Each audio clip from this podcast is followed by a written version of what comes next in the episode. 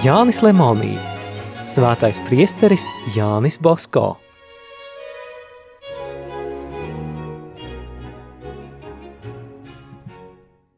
Ceturtās daļas septītā nodaļa – audzināšanas metode praksē. Audzināšanas sistēma, par kuru priesteris Bosko uzrakstīs tikai dažas lapuses, rakstu vietā atstājot daudz padomu un piemēru, nav nekas cits kā varena kristīgās mīlestības izpausme. Viņa vārdi izturieties tā, kā man Dievs iedvesa un ar baušļiem pieprasīja, norāda, ka viņš arī bērnus audzinot atdevās Kristus mīlestības vadībai. Ja kāds priestera Bosko nopelnu lielumu meklē viņa dibinātajās lielajās patversmēs un skolās, to daudzajos absolventos tas ļoti maldās. Viņa atšķirība no citiem un lielums meklējams citur - priestera Bosko mīlestībā, kuras dēļ viņš gāja cilvēkos, sevi visu veltīja bērniem un tos pacēla dieva dēlu godā. Katoļu baznīcā tāda rīcība nav pirmā, ne arī jauna. Visi svētie ir mīlējuši Kristu un savus tuvākos. Priesteris Bosko tikai strādāja citādā veidā. Aprakstīt sargātājas metodes pielietošanu ir ļoti grūti. Kā redzējām, teorija ir ļoti vienkārša. Salīdzjāņu audzināšana ir praktiska rakstura un kā tāda balstās uz noteiktām tradīcijām. Jaunie skolotāji, strādādami kopā ar vecākajiem kolēģiem, uzmanīgi tos vērodami, apgūst audzināšanas principus, iegūst praktisku intuīciju, kura audzinātājiem palīdz neskaidrībās un šaubās. Kā šī intuīcija rodas? Varbūt to nosaka katra šīs sistēmas skolotāja darbs, bet varbūt tā ir apstākļu iejušanās situācijā rezultāts. Varbūt to ikvienam salīdzjānim piešķir Marija Kristīgo palīdzība vai svētais priesteris Bosko, to mēs nezinām. Otrakārt, mēs šeit negatavojamies rakstīt plašu salīdzjāņu audzināšanas sistēmas traktātu, bet gribējām tikai parādīt, kā to praksē iedzīvināja pats tās autors. Lūk, kā raksturojama audzināšana iestādēs šīs sistēmas garā. Direktors ir vairāk tēvs nekā priekšnieks. Visi citi vadītāji ir kā vecākie brāļi, audzinātāji jaunākie brāļi. Mīlestība un uzticība saista audzinātājus ar audzēkņiem. Vieni ar mīlestību vada, otri ar mīlestību paklausa. Audzināšanā izmantotie līdzekļi ir pavisam vienkārši, bet ļoti sekmīgi. Tie ir prāts, ticība, mīlestība. Tie audzinātājiem piešķir lielu izturību. Arī bērniem pieaugot, tēvs vienmēr paliek tēvs, brālis, brālis. Tā arī priestera Bosko audzēkņiem pat pēc vairākiem desmitiem gadu viņa bijušie skolotāji bija kā tēvi un brāļi. Direktoram kā tēvam jārūpējas par izglītību, materiālo un garīgo vajadzību nodrošināšanu. Viņa autoritāte ir īsta tēva autoritāte. Starp citiem priekšniekiem un viņu valda saskaņa, visos pukst viena un tā pati sirds. Lai direktora darbu atvieglotu, priesteris Bosko tam nozīmēja trīs palīgus. Šie palīgi prefekts, katehēts, mācību padomnieks rūpējās par nepieciešamo materiālajā, garīgajā un mācību jomā. Katehētam jārūpējas par audzēkņu garīgajām vajadzībām, mācību padomniekam par kārtību skolās un lekcijās. Prefekts ir aizņemts ar materiālajām rūpēm, Bez tam viņš rūpējas par kārtību skolotāju, darbnīcu vadītāju un asistentu vidū. Tas ir viņam uzdots uzraudzīt reglamenta izpildīšanu. Katram priekšniekam akurāti jāizpilda savs darbs. Viņa darba apjoms ir neierobežots. Skolotājs audzina savu klasi. Aiz klases sienām viņš ne tikai māca savus audzēkņus, bet ir arī viņu draugs – Tādēļ arī priekšniekiem viens otram jāpalīdz un visiem kopā ar direktoru jābūt kā vienai sirdī, jādzīvo vienā garā.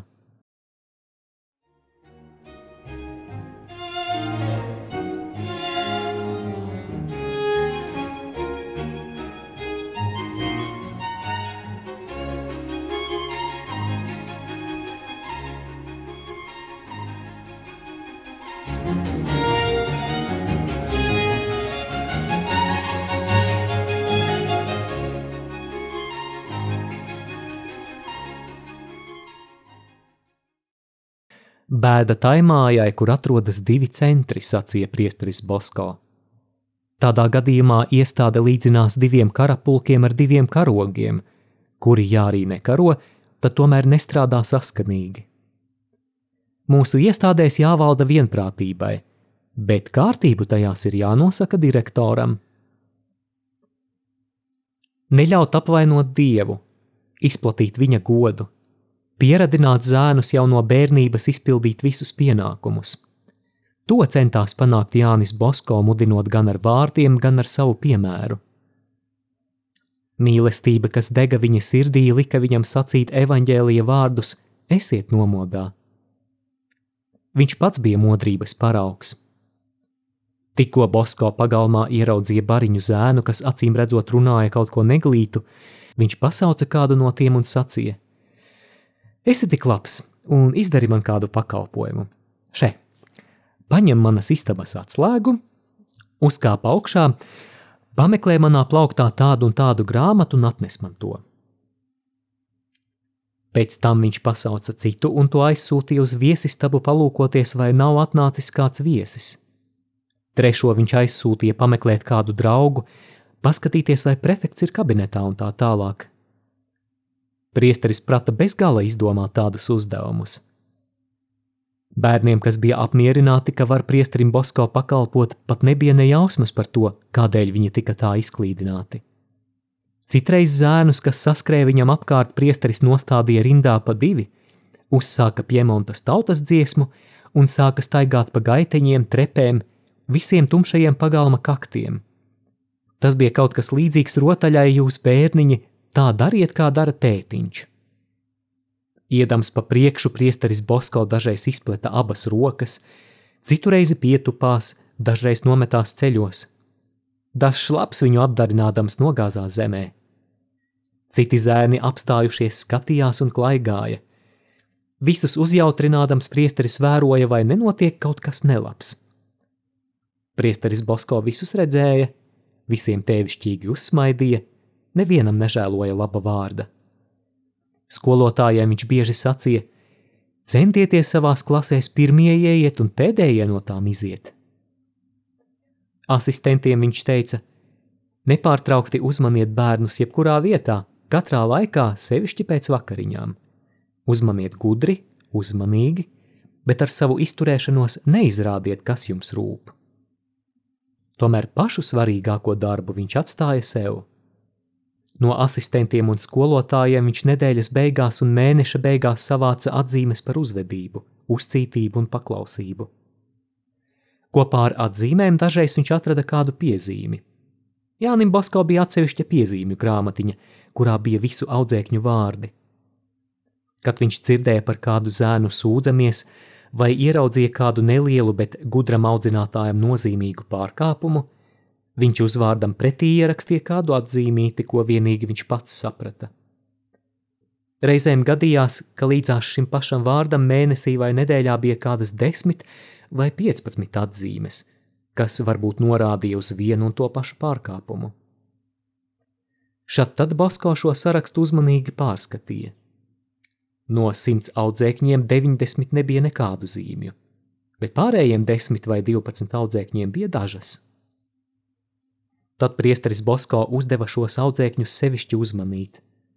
Arī pats caur citiem tos piesardzīgi izvaicāja, un gandrīz nekad viņa pūles nebija veltīgas. Esiet modri! Tāds bija priestera Bosko aicinājums vienmēr un visur.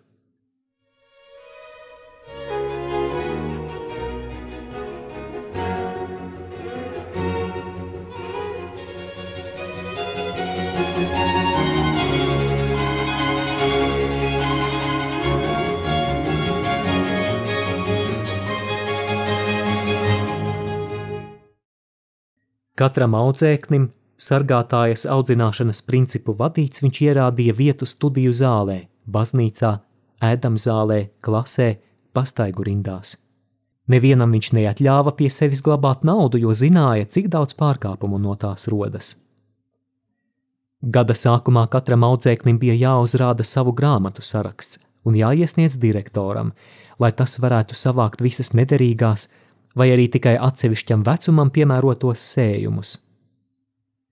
Tāda modra, stingra uzraudzība būtu audzinātājiem ļoti grūta, pat nepanesama, ja tas notiktu bez mīlestības. Priesteris Bosko tiešām neskopojās, lai šo uzraudzību darītu patīkamu. Visi bērni zināja, ka priekšnieki tos uzmanīgi vēro, bet reizē arī zināja un redzēja, ka viņus pieskata ar mīlestību, ļaujot viņiem priecāties. Audzinātāji paši bērnus ielīgsmoja, ar tiem skraidīdami un jokodamies. Lai atvieglotu bērnu uzraudzīšanu, viņus priesteris Bosko iedalīja trīs grupās. Viņš piebilda, ka sevišķi uzraugāmi divu grupu audzēkņi - samaitājamas dabas bērni, tie, kas vēl ar vienu ir labi, bet ļoti nepiesardzīgi, un tie, kuri mēdz nozust kaut kur, kur tos nevar redzēt audzinātājs. To sacīdams Bosko uzsvēra, ka šajā gadījumā nevajag ļaut sevi maldināt ārējam biklumam, vientulības mīlētāja dabai, neapdomīgai vienkāršai bērnišķībai. Šādi viltnieki prot labi izlikties, un drīz vien sastaps tos, kas tiem rādīs nelāgu paraugu. Atcerieties, ka tādi bērni ir sevišķi pieskatāmi. Skolotājiem tika dota skaista, dziļas ticības un tēvišķu rūpju pilna šāda pamācība. Parasti bērniem ir viena no šīm dabām - laba, vidēja, ietiepīga un ļauna. Mums ir pienākums atrast līdzekļus, kas būtu derīgi dažādiem raksturiem, lai būtu iespējams audzināt visus bez izņēmuma un lai vieni netraucētu citiem. Laba rakstura bērniem izskaidrojiet tiem uzvedības noteikumus. Pietiek ar vispārēju uzraudzību. Lielākā daļa bērnu ir vidēja rakstura, diezgan nepastāvīgi ar tieksmi uzvesties atkarībā no situācijas. Arī tādiem nevajag daudz, bet bieži parunāt, brīdinot, mudinot. Tie jāmudina strādāt, un ar mazām dāvaniņām jānostiprina viņos uzticība, bet nedrīkst mazināt uzraudzību. Īpaši jārūpēs par ietiepīgajiem, pareizāk nepaklausīgajiem. Tādu nav daudz, viens no 15. Katram audzinātājam tie jāiepazīst, jāuzzina, kā tie dzīvojuši agrāk, ar tiem jāsadraudzējas, jāatļauj tiem daudz runāt, bet pašam jārunā maz, pastāstot kādu nostāstu. Jācenšas šos bērnus neizlaist no acīm, bet tai pašā laikā nevajag izrādīt, ka tiem neusticas. Kad skolotāji asistenti ierodas pie audzēkņiem, tiem tūliņ jāpārbauda, vai visi ir sapulcējušies. Bet, ja kāda nav, tas jāatrod, it kā gribētu tam kaut ko pasakīt vai likt ko padarīt. Ja vajadzīgs audzēkni sabārt vai brīdināt, nekad to nevajag darīt biedriem redzot. Audzināšanas mērķiem var izlietot citus jau notikušus gadījumus, ar nodomu tos atstāstot tiem, kam tas vajadzīgs. Šķiet, ka šie piemēri sniedz skaidru, pamatīgu izpratni par sargātāju audzināšanas metodi. Tagad atliek vēl tikai pieminēt dažus šīs sistēmas iedzīvināšanas paņēmienus. Jānis Basko rakstīja: Sargātāja sistēma balstās uz prātu, ticību un mīlestību. Tādēļ aplūkosim, ko uzdot darīt prāts, ticība un mīlestība.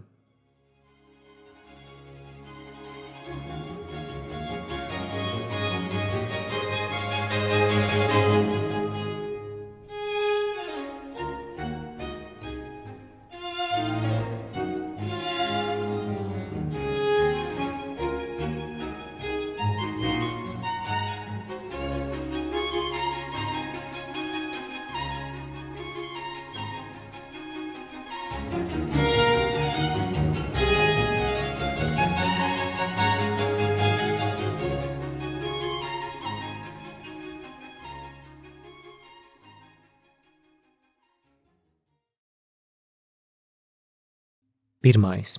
Ko liek prāts? Vispirms lūk, ko. Direktoram jāiepazīstina audzēkņi ar visiem iestādes noteikumiem, soda mēriem, apbalvojumiem, lai bērns vēlāk nevarētu attaisnoties, ka nav zinājis, kas bijis pavēlēts, kas aizliegts. Tādēļ mācību gada sākumā, piedaloties visiem skolotājiem, Bosko lika nolasīt reglamentu, neizlaižot arī tās vietas, kur runāts par atsevišķiem priekšnieku pienākumiem. Audzēkņiem pēc priestera Bosko domām jāsaprot, ka arī priekšniekiem ir noteikumi, ka tie neizturas patvarīgi. Reglaments tā izpildīšana priesterim Bosko tā rūpēja, ka viņš pārbaudes burtnīcā lika ierakstīt visas pārmaiņas kārtībā, kas vajadzīgas dažādu apstākļu dēļ. Reglamenta atsevišķie paragrāfi jānolasa un jāizskaidro. Bosko sacīja: Zēniem vajag simtiem reižu atkārtot, un tad arī tas nebūs par daudz. Tikai tā audzinot sargātāja sistēma būs sekmīga. Atgādinājumiem par pienākumu pildīšanu jābūt biežiem, bet ar vien citādiem, no jauna pasacītiem, lai tie būtu izteiksmīgāki un tādēļ arī sekmīgāki. Vārds sargā priestera Bosko audzināšanas sistēmā nenozīmē tikai centienus atturēt bērnus no pārkāpumiem, bet lielas audzinātāja pūles, lai audzēknis atrastos tādos apstākļos, kuros tam nebūtu izdevība un iespēja slikti uzvesties. Tādēļ arī Bosko nosacīja, lai svētdienās vai arī kādu citu dienu prefekts vai, ja tam nav iespējams, mācību padomnieks nolasītu audzēkņiem dažas reglamenta nodaļas, no tām sagatavojot īsus, likumiskus secinājumus, lai bērni justu nepārtrauktu un neapnīkstošu ziņu mācīties, strādāt un kļūt labākiem. Jānis Basko mācīja bieži runāt ar katru audzēkni atsevišķi, un viņam draudzīgi pasakīt, kas viņa uzvedībā novērots slikts. Ne visiem vienmēr vajag izteikt īpašus brīdinājumus, bet labs vārds nav par ļaunu nevienam.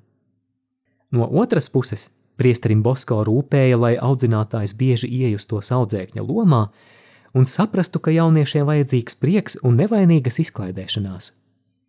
Jautras rotaļas viņš neieteica ierobežot, taču arī rotaļas gudri jāuzrauga. Vispirms jāatmet tās, kurās nepieciešama prāta piepūle. Tādēļ parastajos starpbrīžos viņš neļāva spēlēt kārtas, šahu un tā tālāk. Starpbrīdī prāts ir jāatpūtina, tam jāatspirkst, nevis vēl vairāk tas jānogurdina.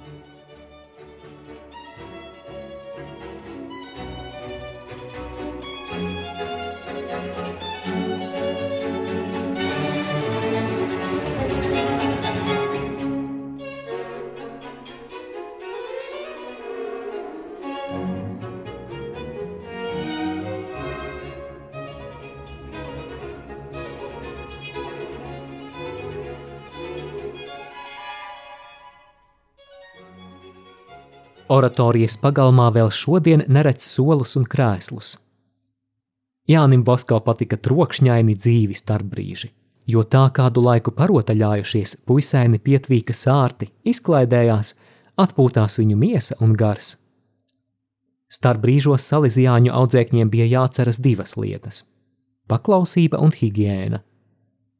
Šos nosacījumus izpildījuši, viņi varēja darīt, ko vien gribēja. Audzinātāji, sekodami priestera Bosko paraugam, rotaļājās kopā ar audzēkņiem. Tā šajās iestādēs radās mīlestība un biedriskais gars, kas saisties skolotāju un skolēnu ne tikai diendienā, ne tikai mācību laikā, bet visu mūžu. Priestera Bosko izpratnē Salīzijāņu iestādē vajadzēja kopēt ģimenes dzīvi. Bet kas gan nezina, ka ģimeniskas saites nekad nesatrūkst? Te mums kļūst skaidra arī īpatnējā salīdzjāņu sodu pielietošana. Kā redzējām, priesteris Bosko stingri aizliedza dažādus bargus miesas sodus. Viņš bieži sacīja, nekad nav atļauts bērnu sist. Neiespējami būt iecietīgam, ja notiek pārkāpumi pret likumību. Neiespējami atļaut lamāties, zakt. Tas pats par sevi saprotams bet niecīgu pārkāpumu dēļ nedusmojieties. Atcerieties, ka jūsu audzēkņi ir mazi, ja arī palieli, tad tomēr vēl bērni. Pirms kādu sodiet, skatieties, cik vainīgs ir audzēknis. Ja redzat, ka viņam, lai labotos, pietiek ar brīdinājumu, tad nebarieties. Ja pietiek ar vieglu bārienu, nemeklējiet skarbākus līdzekļus. Nekad nesodiet un nebrīdiniet tad, kad esat sadusmoti. Labāk lietojiet netiešus sodus, tas ir parādiet vainīgajam savu neapmierinātību, nepasmaidiet uz viņu paskatīdamies. Tad nedaudz nogaidījuši pasauciet vainīgo pie sevis un ar viņu parunājiet tā, lai bērns jūs iemīlētu vēl vairāk nekā pirms tam. Kad redziet, ka zēns nožēlo savu vainu, piedodiet īpaši tad, ja viņš tikai personiski jūs apvainojas. Tādējādi, lai audzēkņi jūs mīlētu un klausītu, nekad ne uz vienu nedusmojieties. Pacietiet viņu trūkumus, labojiet tos, bet izlabojuši aizmirstiet. Vēlreiz saku, lai neviens nekad audzēkņiem nesaka, ja tas viņu apvainojas, pagaidi, tu vēl dabūsi. Kristietis nedrīkst tādus vārdus sacīt. Nesodiet visu klasi vai grupu, bet centieties atrast vainīgos, un, ja tie ir nelabojami, izslēdziet tos no iestādes. Īsi sakot, vienmēr centieties atšķirt labos no ļaunajiem. Kuru iegaumējat ir maz? Pavisam neprātīgi un netaisnīgi būtu, ja viena vai dažu neliešu dēļ ciestu visi. Arī tad, ja esat sodījuši, vainīgajiem pasakiet nopietnu, bet laipnu vārdu – lai tas drīzāk sāktu nožēlot un atgrieztos uz pareizā ceļa. Nesodiet bērnus, ja tie izdara pārkāpumu tikai aiz neapdomības. Nesodiet tos pārāk bieži. Skatieties, viņš sacīja, kā Dievs pacieš mūsu kļūdas. Ja nu viņš mūs sodītu tikko mēs izdarām sliktu, tad jau šai pašā brīdī mēs kaut kur atrastos. Kādu vakaru pēc lūkšanām zēni neapklusa, kā tas bija noteikts. Tie tikko bija ieradušies pēc brīvlaika. Priesteris Bosko uzkāpa katedrā, paraudzījās apkārt, brīdi klusēja, tad sacīja: Bērniņi, es esmu ar jums neapmierināts. Tad viņš to sūtīja gulēt, pat roku nedevis noskūpstīt. Zēni gandrīz visi raudāja, Daži nopietnāki priestera Bosko vārdi tiem bija sāpīgāki par rīkstes cirtieniem. Šai vakarā nevajadzēja nereizes aizrādīt. Katrs baidījās, ka tikai sots neatkārtotos. Darīsim no savas puses visu, ko spējam, priesteris Bosko sacīja, bet Dievs paveiks to, ko mēs nespējam. Bieži ticīga skolotāja lūkšanas nes vairāk labuma nekā brīdinājums, bāriens vai sots. Tādēļ arī priesteris Bosko aicināja salīdzjāņus lūgties par saviem audzēkņiem. Ja kāds viņam sūdzējās, ka skolēni viņu nemīl, neciena viņa pūles, Bosko jautāja: Bet vai tu par saviem audzēkņiem lūdzies?